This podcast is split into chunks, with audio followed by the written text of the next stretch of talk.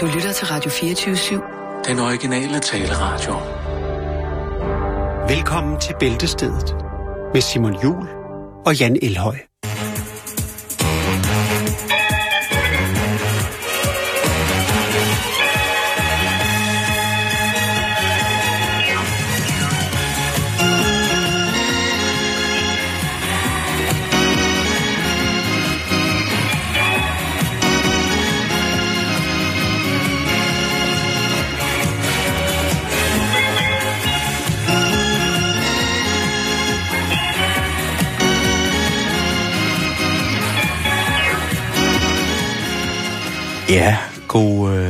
Mandag eftermiddag, skal vi sige. Og her er det jo altså til tonerne af OE, BKS, Ole Erling, Ja, som jo desværre har mistet her i, øh, i Ja, løbet af... han er ikke blandt os af-. Han er ikke blandt os, han rejste, han rejste videre. ja. Og jeg ved jo, der har på, på kanalen her i dag også været forskellige omtaler omkring netop øh, vidererejsen af Oles talent. Ja. Fordi at Oles musik, den forbliver jo, hvad hedder det, intakt, Jan. Men han du, har jo øh, den grad et, øh, et øh, bagkatalog, som øh, altså, så vidt jeg kan se, sidste udgivelse i 2006, men første udgivelse i mit fødeår, nemlig øh, 1971, mm. Mm-hmm. hvor han øh, rent faktisk smider tre LP-plader på gaden. Hele tre. Hele tre på et år, Simon. Jeg har, har altid haft stor respekt for, øh, for Ole Erling og hans øh, gøren og laden. Du har mødt ham? Øh, jeg har mødt ham, og jeg skulle faktisk også lave en bog, hvor han skulle være på, på forsiden. Det blev dog ikke til noget, men øh, han havde et fantastisk hjem, som jeg var meget inspireret af, hvor øh, det var meningen, at vi skulle lave nogle billeder hjemme hos ham. Men han er i den grad også en, jeg respekterer for at, hvad skal man sige, åbne op, understøtte min, øh, min kærlighed til den brune periode. Helt sikkert. Og den brune musik i den, Den grad, brune ikke? musik jo, som er jo helt klart også er øh, musikken blandt meget andet. Øh, vi, vi skal også snakke om øh, en anden herre, som øh, også desværre er gået bort, som også for mig betyder meget, som, som dansk skuespiller og, øh, og kok, kan man vel også godt kalde ham. Multitalent. Øh, multitalent, ja. Men altså Ole Erling, eller Erling Axel Olsen, Det hedder han simpelthen i virkeligheden. det hedder han i virkeligheden, ja. Okay. Født på Nørrebro, 29. juli 1938, i København selvfølgelig. Ja, Han kommer altså ikke fra et, et, et hjem med klaver, Simon. det gjorde han ikke. Det stod ikke skrevet i korten af, at Han skulle blive øh. Erling Olsen han skulle øh, blive øh, allboxer. Han er den yngste af tre brødre. Han startede sin øh, arbejds, sit arbejdsliv som visevært. Senere så uddannede han sig til elektriker. Og på et tidspunkt i sin læretid, der øh, bliver han kaldt ind til noget, der hedder Hammondhuset, som øh, ligger på strøget i København. Hammondhuset. Ja. Jeg fandt wow. et enkelt billede derfra, hvor der havde været klaverkonkurrencer derinde. Er ikke noget med Ole Erling at gøre, bare lige fordi Mm. jeg lige skulle, jeg tænkte, jeg ville godt have set nogle billeder inden fra Hammondhuset. Tænk, at vi havde sådan noget i gamle Aller, dage. ja, men allerede der, så er vi jo allerede inde i den brune tidsalder. Jo, men det er vi. Øh, altså, Og vi har da, altså, med Hammondhuset. jeg kan da huske, at vi lavede et, øh, et, et radioprogram for mange, mange år siden, som ligesom kickstartede vores samarbejde. Der var vi jo meget inde i Aarhus-chancerne. Jo, jo, jo. Altså, der, jo, og der jo, var, søren. øh, altså Claus Wunderlich og Ole E. var jo helt klart nogle af vores favoritter. Helt bestemt. og vi har- Helt bestemt. med spillet meget af deres musik. Men hvad var det så, der skete, da, da Ole Erling, han øh, dukker op i Hammondhuset? Han var derinde for at, at reparere noget lys, noget lyssætning, tror jeg det har været. Han hører simpelthen lydet fra øh, en, et hammernål, og blev fascineret af det. Altså, det, er en rigtig dygtig musiker sad ved et ovl derinde, og sikkert været, det kan være, at det var en, der arbejdede der, eller en, der bare lige var inde for at drømme sig hen øh, til selv at være ejer af et hammerdål. For et hammerdål er jo en kostelig affære, hvis man skal have et rigtigt hammerdål. Oh, ja, ja, ja. Øhm, men da han hørte det her, der blev han simpelthen så grebet og fascineret af det, så han øh, ønskede selv at lære at spille ovl. Men øh, ja, som jeg sagde før, et øh, hammerdål var meget dyrt, og øh, en lærlingløn, så ville det jo tage forholdsvis mange år for ham at få erhvervet sig et ovl. Men han blev faktisk allerede i sin læreperiode ovlejer på en lidt utraditionel måde. Fordi et italiensk øh, orkester, var, som optrådte i København, de var løbet tør for penge. Så de har simpelthen ikke, jeg kunne forestille mig, at de har spillet nogle jobs i København, og måske også i nogle provinsbyer.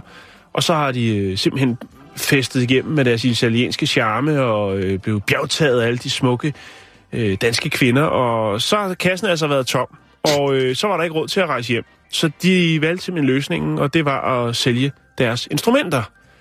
Det gjorde altså, at øh, Ole Erling øh, kunne øh, forholdsvis billigt erhverve sig et øh, transportabel øh, hornerovl, øh, som han så startede op på. Og så begyndte han at øve sig på det, og begyndte at spille til bryllupper, konfirmationer, og blev efterhånden mere og mere efterspurgt som selskabsmusiker. Yes. Det såkaldte genre, som man kalder i dansk, kalder suppesteg og is.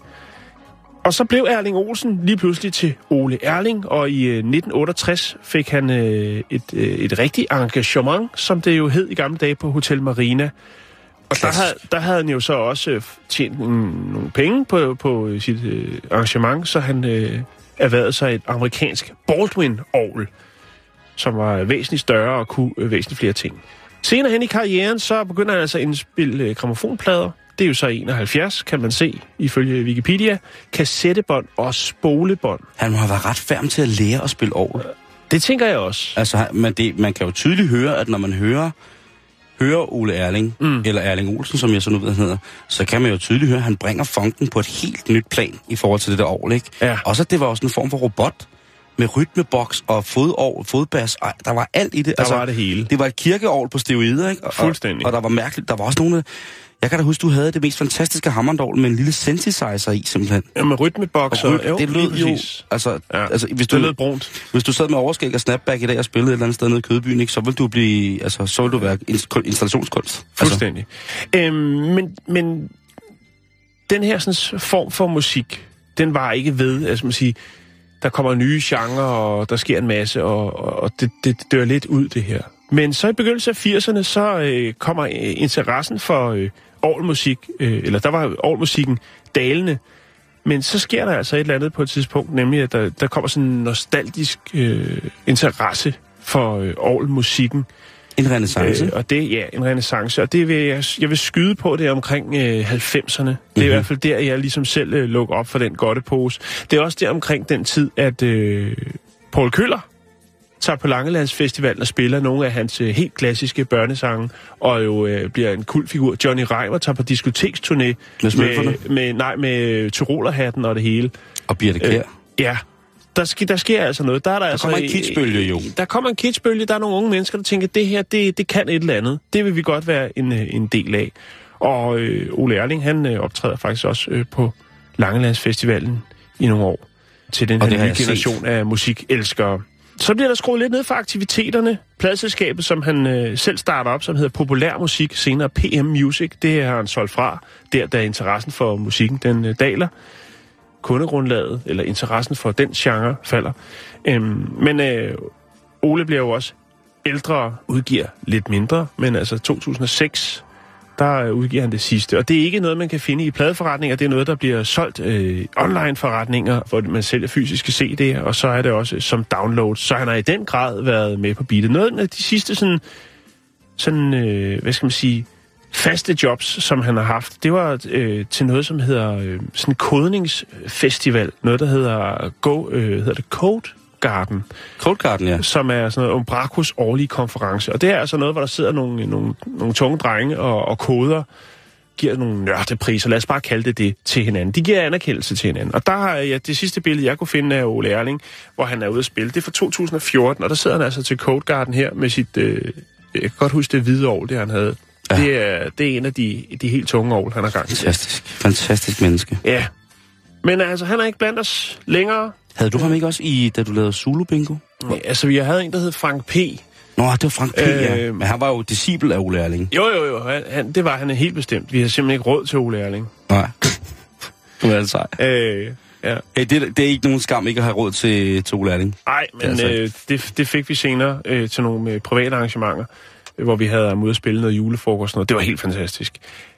Men Simon, skal vi lige have et stykke øh, mere med Ole? Ja, det synes jeg. Det synes jeg. Og øh, hvor end du er, jeg tænker, at nu sidder han det sted, hvor at øh, Jimi Hendrix, Jim Morrison, Amy Winehouse, Mm. hele holdet sidder der. John Bonham, altså Sid Barrett, hele møllen sidder deroppe, ikke? Ja. Og så låser Ole E. døren ind og siger, prøv at høre, I kender mig som Ole E. I virkeligheden så hedder Erling. Og så fyrer han den her af, og så kan de have det så godt.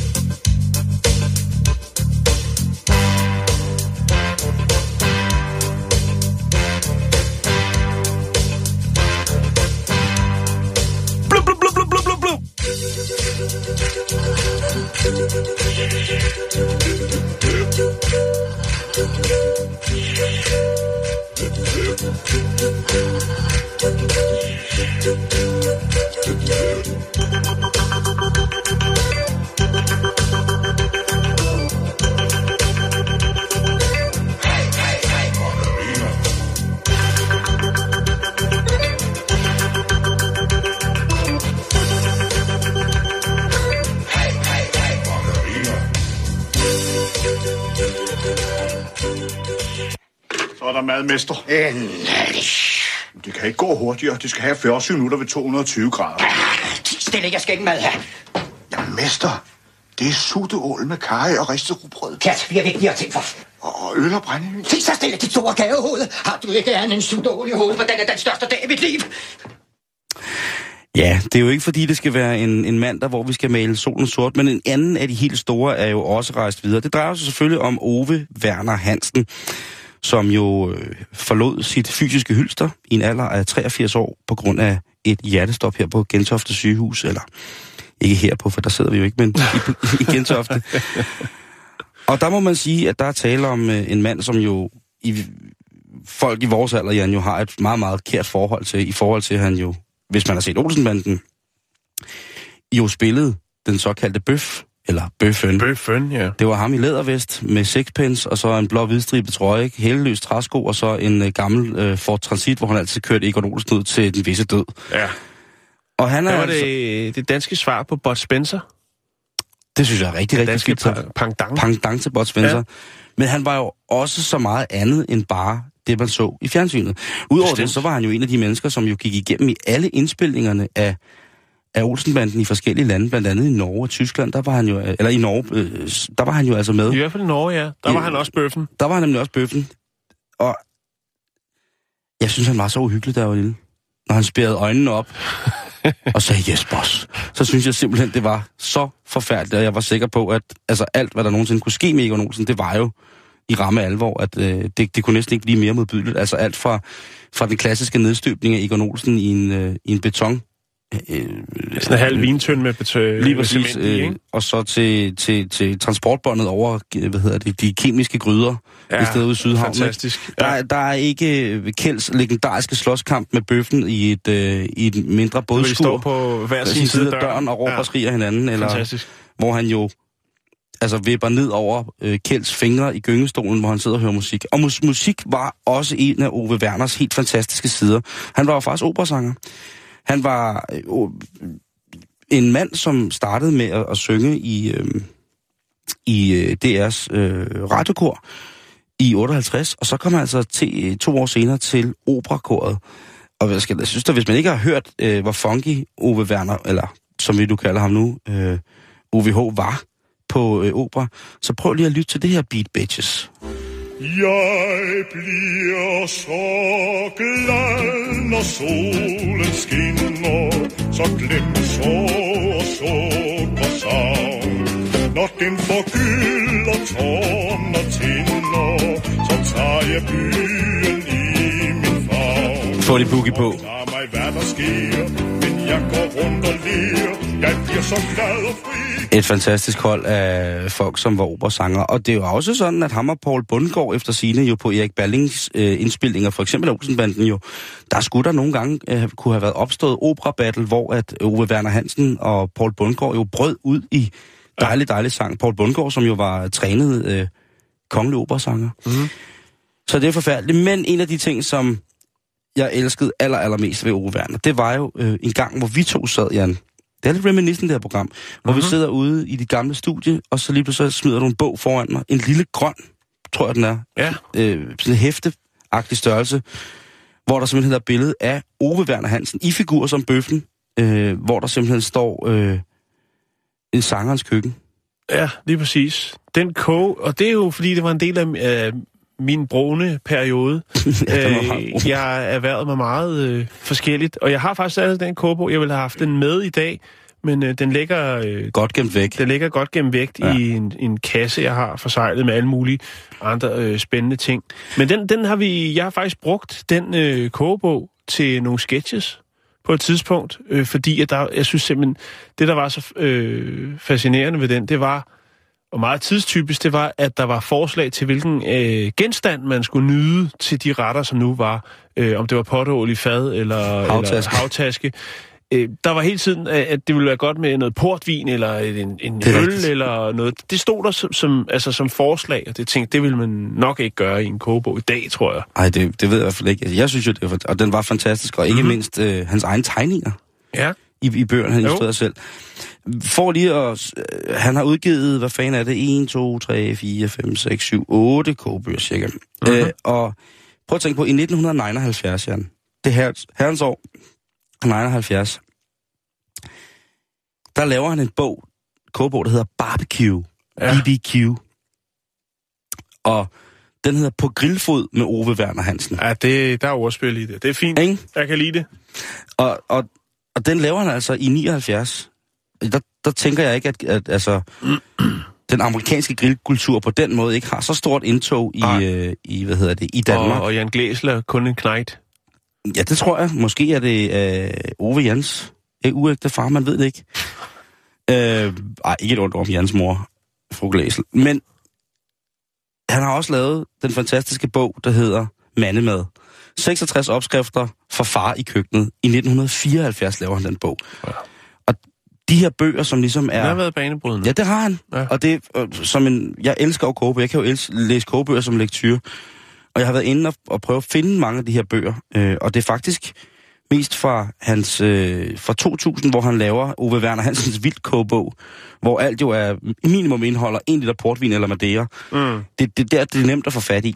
Øh, så hvis man skal lave en her og nu annonce, eller en ude af hjemme annonce, så vil det være, at har man Ove Werner Hansens kogebøger fra 74 til 79, så er jeg sindssygt interesseret i at erhverve dem.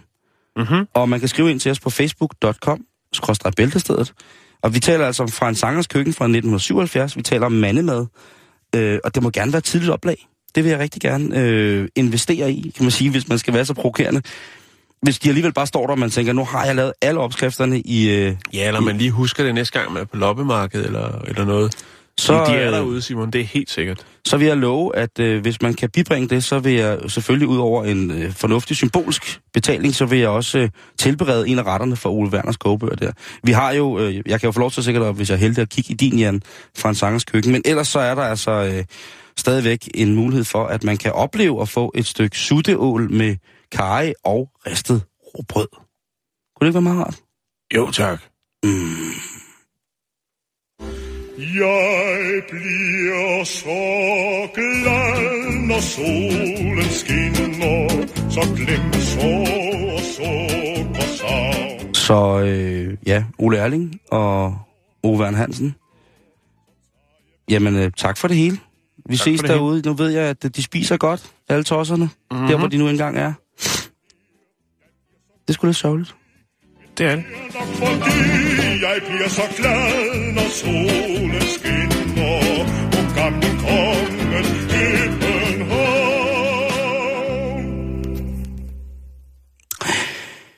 Sikke start. Men det, de skal hyldes, fordi de er, Jo, jo, det er jo mennesker, som, som efter, altså selvfølgelig... Det er også det er sådan nogle, vi skal hylde i vores program. Jeg Lige ved præcis. godt, at For deres- alt for deres, andet, øh, David Bowie og alt muligt, det er også trist og alt muligt, men det kan de andre lægge råd med. Lige præcis. Det, det er meget, meget, meget bedre til. Og det, jeg vil sige, at det er jo øh, først og fremmest øh, skud ud til deres familie og deres nære, dem der har mistet øh, sådan helt tæt på. Men og for os, der vil vi jo bare sige, os der bare er menige fans, at øh, de dør jo aldrig. De har jo efterladt noget af det fineste i verden, og det er en, en form for, for... Altså, de har jo efterladt et mærke for os to, Jan, sådan i, i, for, da du lærte mig den brune periode at kende, ikke? Mm. Så øh, nej, nej, alt er, Jo, jo, øh, alt, alt er sgu godt. Nå, jeg vil lige droppe lidt knowledge her i, øh, på en mandag, nu når vi ligesom har snakket om, at de øh, ikke er her mere. De, Du vil smide lidt viden? De har rejst, de er rejst videre, og de ligesom er, er klar til at tage, tage imod og gøre tingene godt for, øh, for alle mulige andre et andet sted. Vi skal lige snakke en lille smule om det der med, som vi jo elsker her i programmet, at pointere, at de fleste kurer imod alskens dårligdom, alt fra AIDS, pest og kolera, til en almindelig forkølelse, jamen, det er jo ting, medicin, som kan findes i naturen.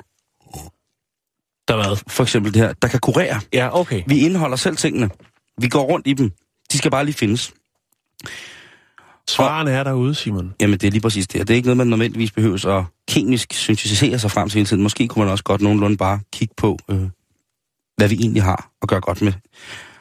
Og BBC News, de har lige fortalt, at en specialiseret hvid blodcelle, som kun pipfugle har, Mhm. det kan altså måske bruges til at ødelægge en infektion, som hvert år kræver 100.000 vis af menneskeliv. Vi har jo råbt og skræmt det her fugleinfluenza, og folk har gået rundt med hjelm på for at undgå at blive kigget på af en stork, fordi de tænker, så får de fugleinfluenza, så smelter mit ansigt af, og alt Mm. går i stykker. Men Cryptococcus neoformans, det er en lille bitte svamp, som kan forårsage de her dødelige infektioner hos mennesker med for eksempel et svækket immunsystem. Det kunne være folk, som for eksempel har HIV. Det kunne være folk, som er i en behandling af for eksempel lortekræft. Der er folk, som altså har svækket immunforsvar, de kan altså lynhurtigt få den her kryptococcus. Og det kan få fatale konsekvenser. I midlertid så er pipfugle altså blandt andet så udover kendt for at sprede forfærdelige influenzaer, også kendt for at have naturligt den her form for svamp. Men fuglene bliver ikke syge. Nej. Lille bitte pipfugl, stadig rask, har svampen i maven, den er fin. Den flyver rundt, den er ikke dårlig. Nu har de så fundet ud af, at den her makrofag, eller blodcelle som det er, faktisk, som fuglene selv har, den kan blokere for svampens vækst. Altså det vil sige, stanse svampen i at sprede sig, hvis det er, at ens eget lille biologiske fæstningssystem er i knæ. Mm. Som så meget andet godt, så findes den her svamp altså i fuglenes lort, guano, og øh, den vil typisk hive fat i noget som lungerne eller centralnervesystemet. Og der er, jeg tror, der er de færreste af os herude, der sidder og lytter med til programmet i dag på denne mandag, der tænker, juhu, jeg har svamp i centralnervesystemet. Det tror jeg, om man har et godt immunforsvar eller ikke har det, så tror jeg sgu, det er det færreste, som gider at øh, have sådan en, en funkisfarm rygte rundt i øh, en af de mest vitale systemer i kroppen. Mm. Det er forskere ved Universitetet i Sheffield øh, i Birmingham, som har opdaget lige præcis det her. Og øh, jamen, svampen, den har, de opdagede, at svampen den vokser utrolig langsomt i fuglens fordøjelsessystem. Og hvis den så prøver at komme andre steder hen i kroppen, hvor den ikke skal, ja, men så tager øh, piphans altså sit eget immunsystem i brug. Og jamen, der vil den altså blive, blive nedkæmpet ret hurtigt. Så nu håber forskerne selvfølgelig på, at denne her svamp, den kan bekæmpes via ja, et, øh, et makrofag, altså et, et blodelement fra, fra piphans. Det er ikke præciseret, hvad for nogle fugle det er. Der, det er. Ej, der, jeg tror stadigvæk, de er på et, et ret forsøgsagtigt basis mm. i forhold til at skulle kunne... Det er jo ret stort at kunne øh, klæde folk på i den tilstand. Fordi for eksempel, hvis folk har øh, lortekræft, så er det jo sådan, at på et tidspunkt, hvis de for eksempel har fået stråler og kemo, jamen så er deres...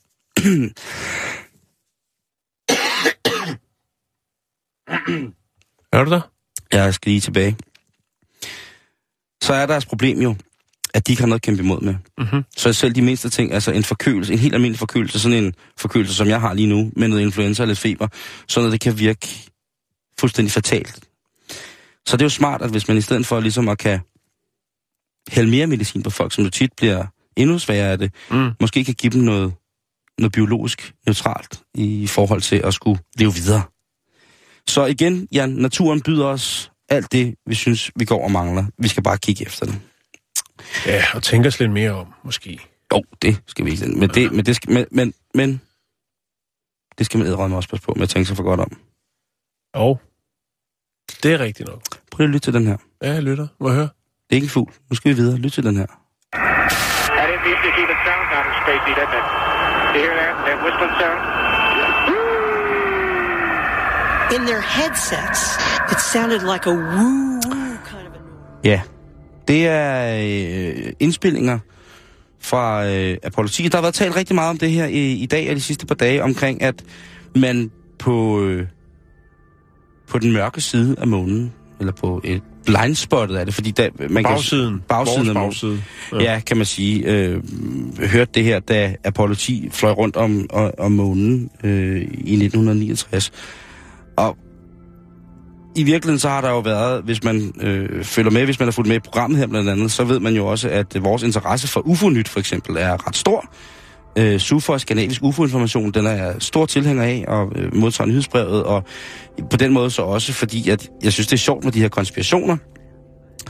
Og der har jo i mange, mange år været ting ude omkring med, hvad der er blevet set og hørt, og der er blevet lavet dokumentar om, at er der er en alien-platform på månen, og så videre, mm. så videre, så videre.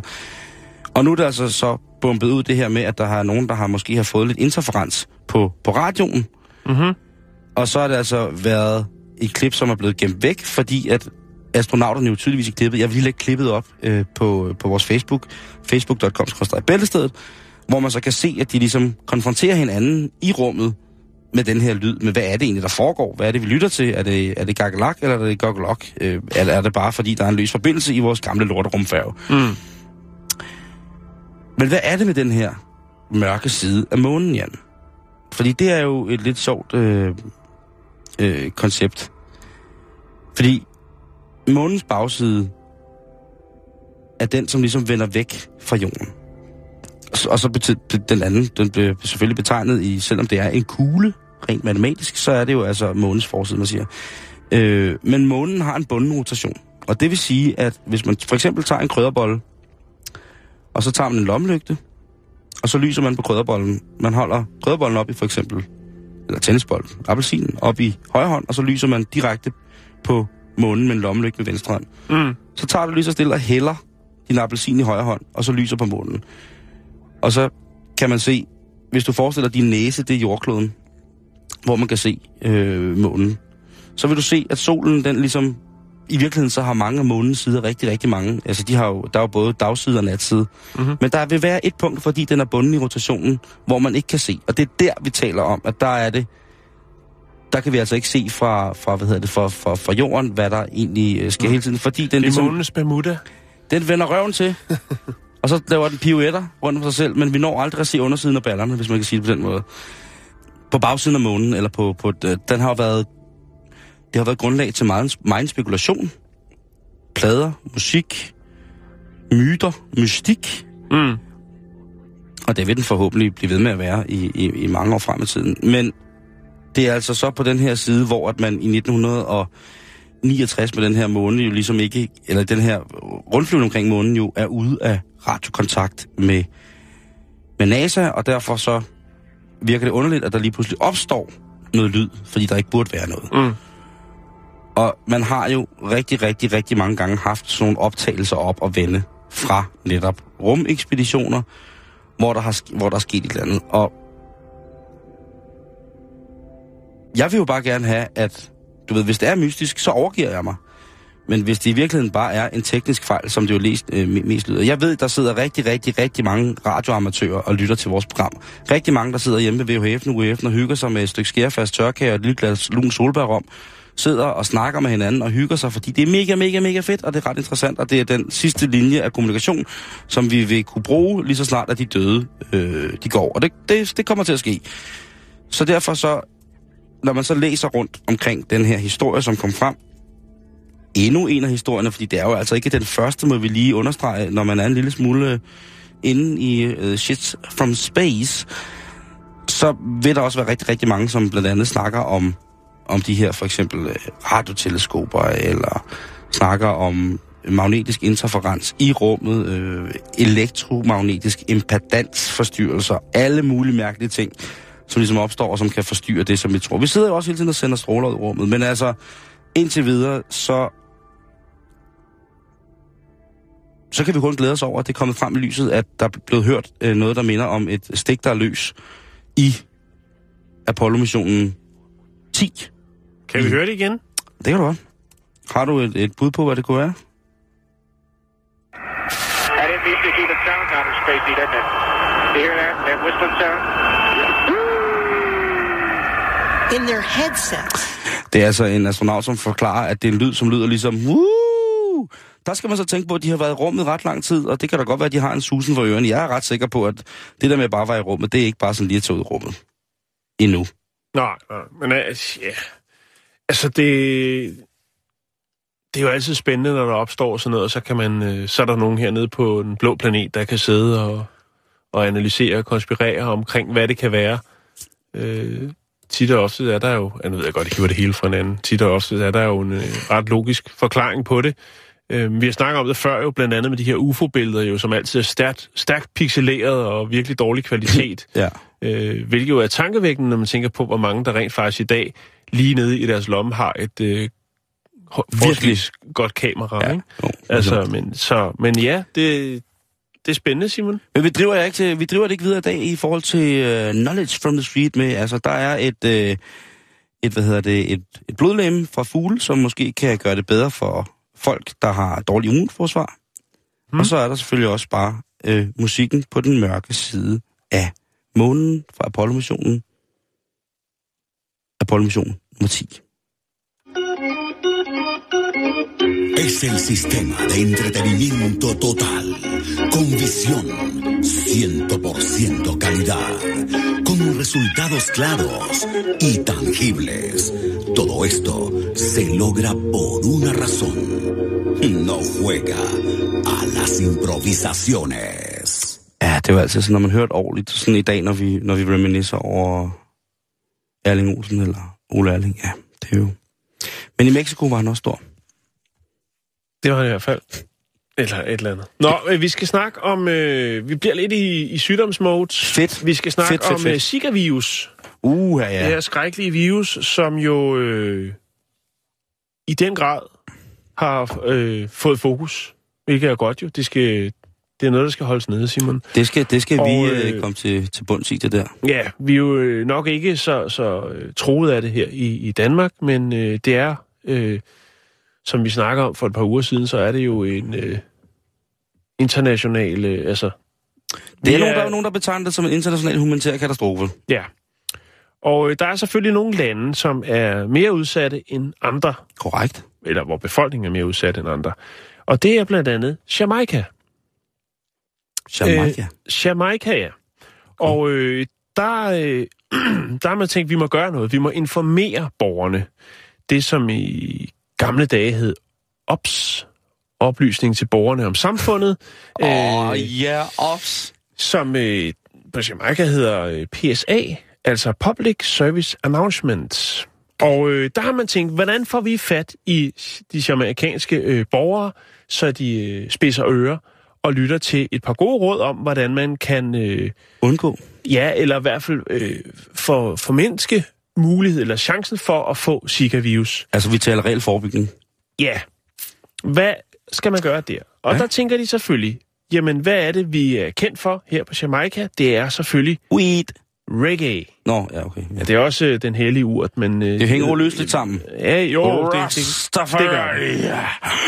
Så derfor så er det jamaikanske sundhedsministerium, de øh, tænker, vi laver simpelthen et øh, reggae-nummer, hvor at det er, vi ligesom oplyser borgerne om, hvad man skal være og opmærksom på, hvordan man kan, øh, hvad skal man sige, mindske chancerne for at øh, få den her virus, som jo øh, oftest øh, man får via myg, så vidt jeg er orienteret. Og øh, hvad gør man så? Så laver man selvfølgelig en reggae-sang, og den hedder Nur Want Sig Vi. Nur Want Sig Vi. øh, og det er jo noget med, at øh, man jo, altså, man vil ikke have Zika-virusen, hvis man skal brække den ned. Og øh, så skal man jo finde en, der ved noget om, øh, hvad skal man sige, Zika-viruset, øh, de ting, der er jo blandt andet det her som øh, deformiteter hos, øh, hos børn. Mm-hmm. Øhm, så man vælger simpelthen at finde en øh, fødselslæge, der også er gynekolog, som hedder Far, far. Michael Abrahams. Okay. Og øhm, han er med. Øh, han rider tungt på beatet. Han er energisk, når han øh, rådgiver folk om, hvordan de kan afværge øh, potentielle, de her potentielle farlige myg, øh, som kan øh, jo indtage deres hjem. Men øh, hvordan er det så, man gør det? Jo, men øh, Klæder sig ud som en endnu større myg. nej, det gør man Nå. ikke. I sangen, der øh, videreformidler han et par gode... Øh, et par gode tips og tricks. Og det er blandt andet det her med, han sender også lige et øh, shout-out, altså et skud, en hilsen ud til alle de gravide kvinder, øh, og siger, at de skal passe på deres øh, babyer. Øhm, men hvad er det så, man skal gøre? Jamen det er blandt andet, at han vejleder den her, øh, den her sang med at sige, at for eksempel hvis man har øh, bildæk eller andre ting, der ligger, hvor at, øh, der ligger vand i, Ah, det er der, alle de steder, Yes, hvor myggene de, øh, de lægger æg, der skal man simpelthen lige gå ud og altså, no still det water. til, ja, no still water. Yes, man, Rastafari.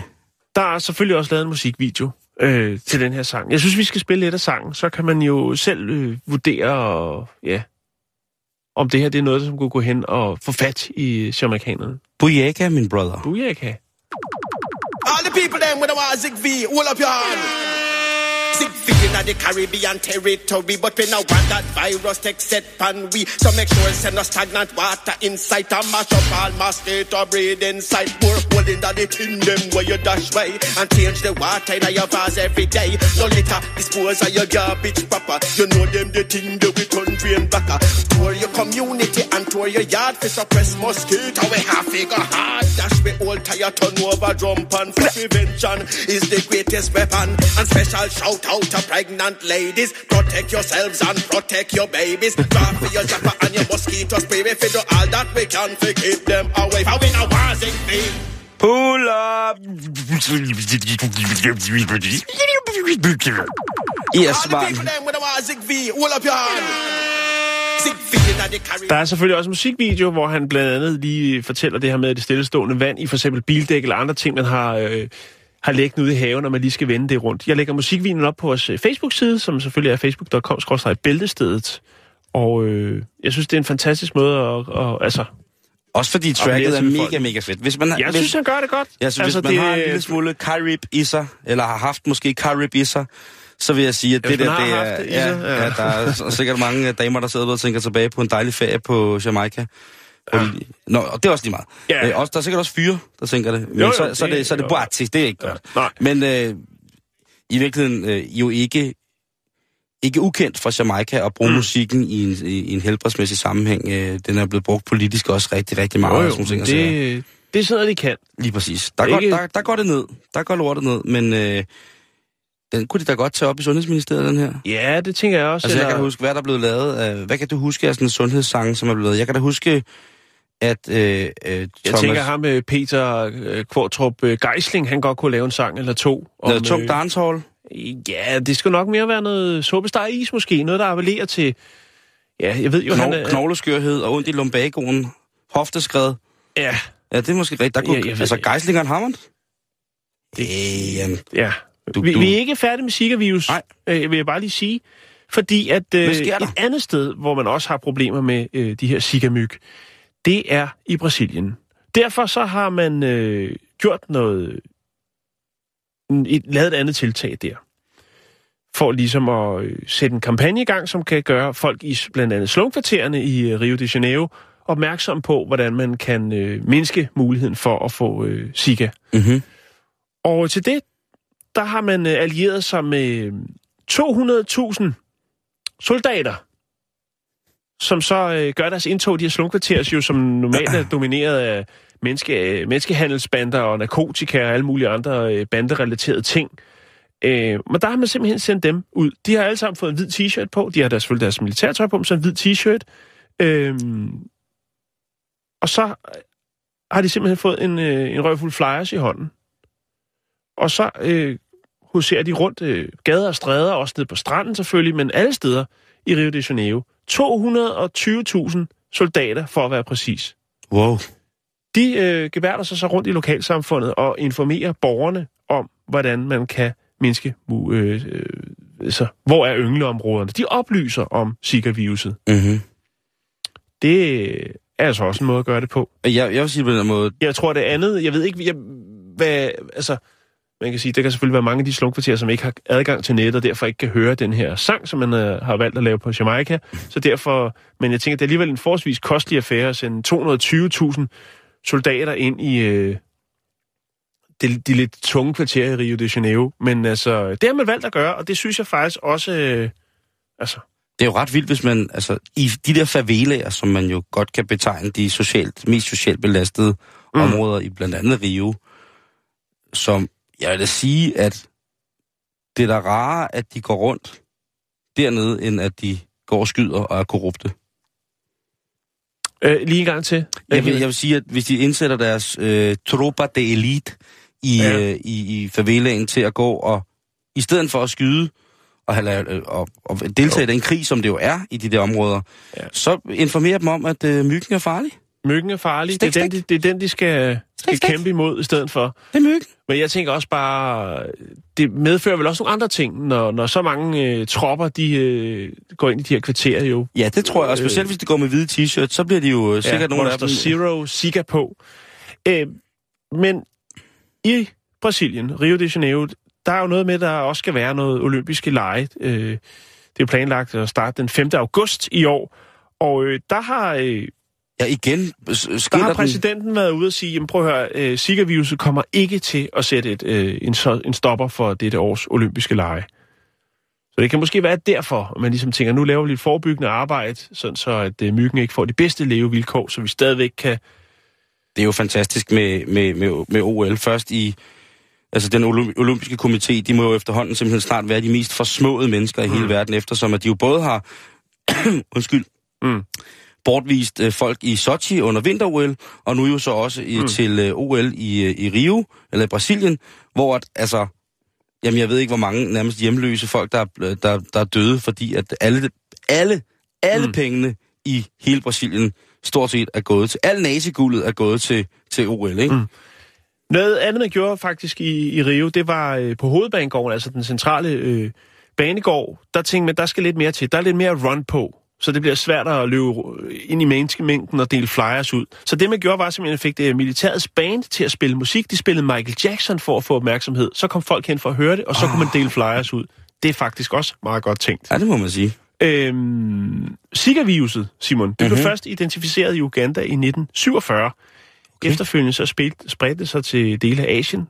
Øhm, og i Brasilien, der var det første tilfælde, det blev først kendt i øh, 2015, det vil sige sidste år. Okay. Øhm, og det vides ikke, hvordan at viruset er nået helt til Brasilien. Øhm, men muligvis så kunne det være noget med nogle øh, turister, der besøgte landet øh, til VM i fodbold i 2014. øh, det er i hvert fald en, øh, en mistanke, man har. Ja.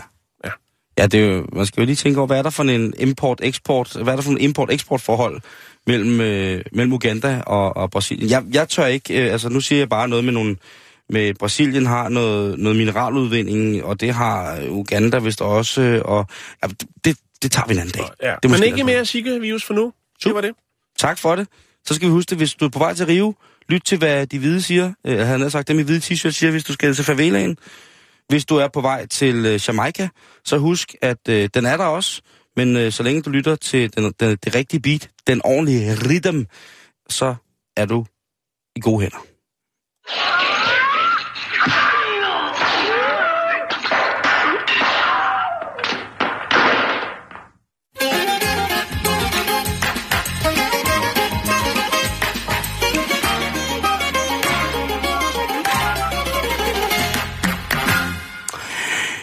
Vi er jo i evig krig med, hvad skal barnet hedde?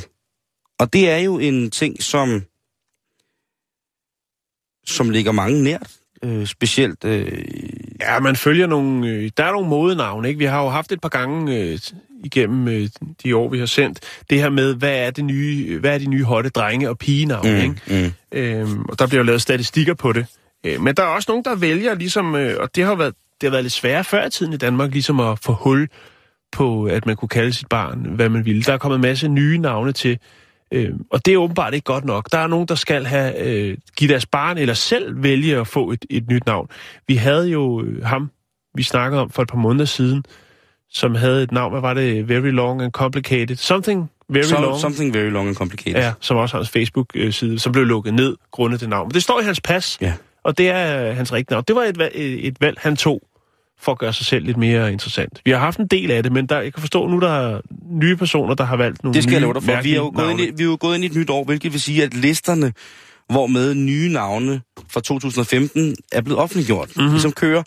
Og det skal vi selvfølgelig også tage op. Og Jan, lad mig da lige starte med øh, en mand, som hedder Simon, øh, Simon Smith fra England. Ja. Ja. til at starte med vil jeg sige, jeg kan jo ikke forstå, at han har skiftet navnet Simon ud, fordi det er jo... Men, men det er jo øh, to øh, ret ordinære navne, ikke? med al respekt. Altså Simon og Smith. Det er, det jeg, er- jeg kan ikke løbe fra, at mit navn er rimelig ordinært. Jeg tror, hvis man slår det op i en engelsk... Øh, ja, nu findes ikke en telefonbog, men et eller andet andet, eller det, så tror jeg, der dukker rimelig mange op, der hedder Simon Smith. Jeg tror så ikke, at det, han har ændret navn til, dukker så meget op, fordi hans navn, det er nu Bacon Double Cheeseburger. Okay. Øh, han, han siger selv, han er 33 år gammel, og han siger, at... Øh, Så han kan ikke bare komme undskyldning, jeg var ung og dum. Nej, nu vil jeg godt det kan han ikke, men tilbage. han, han har et forhold til navnet, som er... Han siger, at dit navn, det er det mindst vigtige ved hele din personlighed. Det har du fået af en anden person. Okay, så der er en... Der er en det er, Altså, tanker, det. er ikke noget med, at han bare har drukket sig fuld, og så har han gået på nettet, og så har lavet sit navn op, Nej, eller noget. Nej. nej. Der, er, der er et budskab. Han er fuldstændig vild med bacon dobbelt, øh, dobbelt cheeseburger. Det kan han simpelthen ikke få nok af. Nej. Og så vil han også være Mr. Bacon, jo, hvilket jo også er, er fint. Han bor i Muswell Hill i London, og han har øh, overhovedet ingen fortrydelser ved det her navn. Han synes, det er ganske, ganske glimrende, og det bekommer ham rigtig, rigtig vel. Og som man siger, der er ikke nogen, der ikke kan huske, hvad jeg hedder, når man har mødt dem. Nej, det er selvfølgelig rent nok. Men man det- skulle, jeg han skulle også måske bare- så lige have taget en samtale med sin 32-årige forlovede Isabella. Ja, for hun kommer jo så til at hedde... hvis- de bliver gift jo, så... Så kommer hun til at være Mrs. Double Cheeseburger. Ja. Det er ikke sikkert, hun ønsker det. Nej, det, og det gør hun ikke. Nej, Hun siger øh, med alt, alt fin stedighed, påpeger hun over for sin kommende husbund, at hun vil gerne tage ham til ægte. Selvfølgelig elsker hun ham, men hun kommer aldrig nogensinde til at lytte på hans navn. Og for den sags skyld, hvis de får afledt på hinanden, så kommer deres afkom på ingen måde til at komme i nærheden af at skulle hedde dobbelt cheeseburger til efternavn. Slut. Og han har kun gjort det, fordi han elsker. Han elsker simpelthen dobbelt cheeseburger. Han er så tosset med det. Ja, men der var også en pointe jo, ikke? Jo, jo, det, præcis. Det må man ikke glemme. Der var en pointe med og, det. Og det er faktisk ret sejt, fordi han har jo egentlig ret. Men man kan jo sige, jeg tror, jeg tror ikke, at der er nogen børn, der får navne af deres forældre, fordi forældrene gerne vil håne dem. Nej. Det... Altså... Der er nogen, hvor man tænker, hold da op. Det var da alligevel. Øh, for eksempel en, en far, som han, giver hans nyfødte barn Queen's Park Rangers. Altså Ja. fodboldklubben. Ja, vi, vi har jo også en... Altså, jeg tænker også, det kan jo... Det kan også blive samtaleemne, og tit det der med, at man skal... Øh, altså, man hele tiden skal forklare, ligesom, hvorfor, hvorfor har man det øh, efternavn, eller hvad det er. Vi har jo for blandt andet en lytter, så vidt jeg husker, hvis han stadig er hængende. Øh, Mads Boller. Mm? Ja, eller Mads Boller. Mm. Øh, og der er sikkert, man skal sikkert høre rigtig mange øh, dumme kommentarer, når man har sådan et efternavn, som jo stikker sikkert, altså... Og det er jeg, jo- jeg hedder Jul til efternavn, ikke? Altså, Jo. øh, hvor, hvor, det, det var jo også engang øh, morsomt for Sjovt. Øh, der er en øh, i der er 85.000 mennesker i England, hvor Simon bor, eller Mr. Cheeseburger bor, som har ændret deres navn. En af dem er blandt andet en gut, som nu kalder sig Sergeant Metaltræthed. Sarge Metal Fatigue. Det er også mærkeligt. Ja. Øhm, så er der en, der hedder Simply My Love Poet. Det er også meget... Eller SMP, så kan man selv øh, rumme med det. Der er jo også Penelope Pitstop, som har ændret sit navn til Wacky Races. Eller der er øh, Batman-fanen, som hedder Bruce Wayne. Og så er der jo selvfølgelig også det klassiske Mr. and Mrs. Amazing, har vi også fået. Og så er der øh, de her par, øh, homoparerne, og der er også nogle transkønnede øh, par, som også er gået i gang med at dyrke deres navn. Og det, der bliver det meget, meget øh, farverigt. Selvfølgelig gør det det, og det er rigtig, rigtig fint. Mm. De kommer øh. Også til, jo mere favorit der er, jo sværere er det jo, øh, hvis man bruger Facebook, øh, er det at få lov til at, og, altså, der er jo mange, der altså, bliver lukket ned på de sociale medier. Lige præcis. Fordi det Ja, bliver der har været det med de her stripper for eksempel, og deres, hvad skal man sige, professionelle navne, øh, hvor deres profiler blev lukket ned. Mm. Øhm, men jeg synes lige, man må heller ikke glemme, Simon, en mand, som vi har jo været meget betaget af, øhm, fra Singapore, nemlig øh, Batman bin Superman, som jo, øh, jo altså, røg i fængsel. Ikke på grund af hans navn, men fordi han bare var en gemen tyv. Mm. Men øh, han, da hans, øh, da hans navn ligesom kom frem, kom frem. Ja, lige præcis. Der spredte det sig jo øh, ved lynets hast øh, viralt på nettet jo, fordi at øh, det er bare vildt at hedde Batman bin Superman. Eller Batman, søn af Superman. Sådan Det- der. Kan du huske ham? Ja, jeg kan godt huske ham. Det er ret, ret fantastisk. Ja. Øh, der er en mand, der har ændret sit navn til Happy Birthday. Jeg tror ikke med fødselsdagen. Det er også øh, øh, sindssygt. Altså fornavn og efternavn, Ja, og så tænker jeg så bare lige, øh, øh, også lige gå igennem, altså vi har jo ikke, vi skal jo ikke gøre os selv for heldige her hjemme i Danmark, fordi der findes jo også mennesker her i Danmark, som på rigtig, rigtig mange måder vælger at give deres børn nogle navne, hvor man tænker, jeg ved godt, at I som forældre ikke, jeres kærlighed ikke mindskes til jeres barn på grund af det her, men kunne jeres barn på et eller andet tidspunkt måske finde på at ændre sit navn fra for eksempel altan til, jeg ved ikke, om det er pige eller drengenavn, det må jeg indrømme. Nå, det... Altså... Øh, charme, kan man også hedde. Charme. Ja. Mm. Der er nogen, der har døbt deres, øh, deres barn gift. Ja. Offer. Ja. Nitte. Den er æder rødmesvedig. Og Ja, Nitte. Og døbe sit barn Nitte. Ja. Det er der fra start af. Øh, altså, så er der også okay. Øh, hvad hedder det? det er faktisk pigenavn alt det her. Mm. Der er en pige, der hedder Gift. Der er en pige, der hedder Nitte. Mm. Musling. Der, tænk at døbe sit pigebarn Musling. Ja. Øh, af drengenavn, Awesome, den har jeg jo altid synes var, var sindssyg. Og øh, Barca, som selvfølgelig relaterer til Barcelona. Barcelona, ikke? Jo. Factor er der også en, der hedder. Det ligger jo lidt op ad Victor, Ja, fakta. ja, eller Faktor. Altså Faktor, Faktor ligesom X-Faktor. Okay, Ja. faktor. Hvis han så Victor til fornavn, Victor Faktor. eller ja, Faktor Victor. Ja, det var, det var helt Ja. ja. vildt. Der er også en dreng, øh, der er blevet døbt Fru, altså F-R-U. Ja. Der må jeg mene, der vil jeg have sat en grænse. Jeg kan ikke døbe en lille dreng Fru. Nej. Øh, så Men der man skal skille sig ud fra flokken, og øh, en nem måde at gøre det på, det er vel ved at have et... Øh, et øh, et navn som for eksempel Jazz. J-A-Z-Z. Et lille drengenavn, der blev, jazz. der blev, der blev godkendt i 2015 Og i det, Danmark. det kan jo godt være svært, Simon, at finde det rigtige navn til sit barn. Et, der skiller sig ud. Så er der jo på nettet sådan nogle forskellige øh, navnemaskiner. Øh, kan du huske, vi havde det? Den historie, vi havde med nogen, hvor de havde, de havde lavet en afstemning på nettet omkring, hvad deres barn skulle hedde, hvor så, at det endte med noget, der, eller det blev sådan, de tog selvfølgelig noget, der var nogenlunde øh, normalt, men der var nogen, der skulle hedde, hun skulle hedde alt muligt jumbojet, øh, alfa, beta, øh, et eller andet halløj. Kan du huske den sag? Eller Jamen, den det- historie, jeg- det kan jeg det er noget tid siden.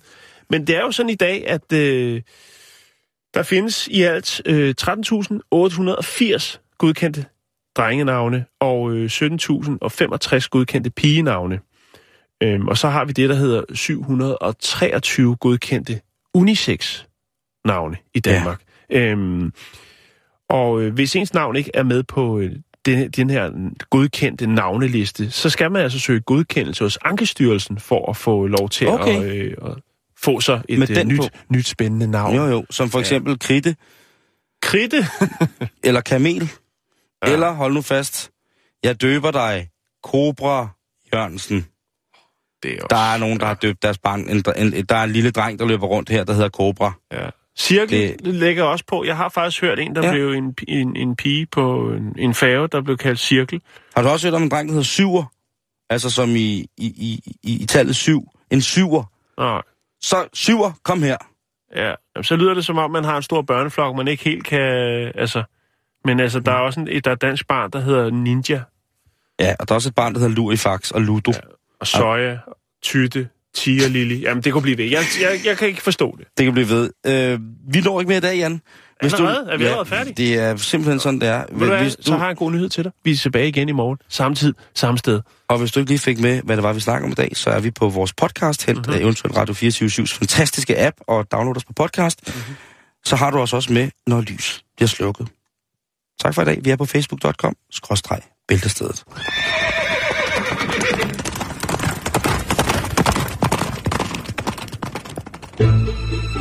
Du lytter til Radio 24 /7.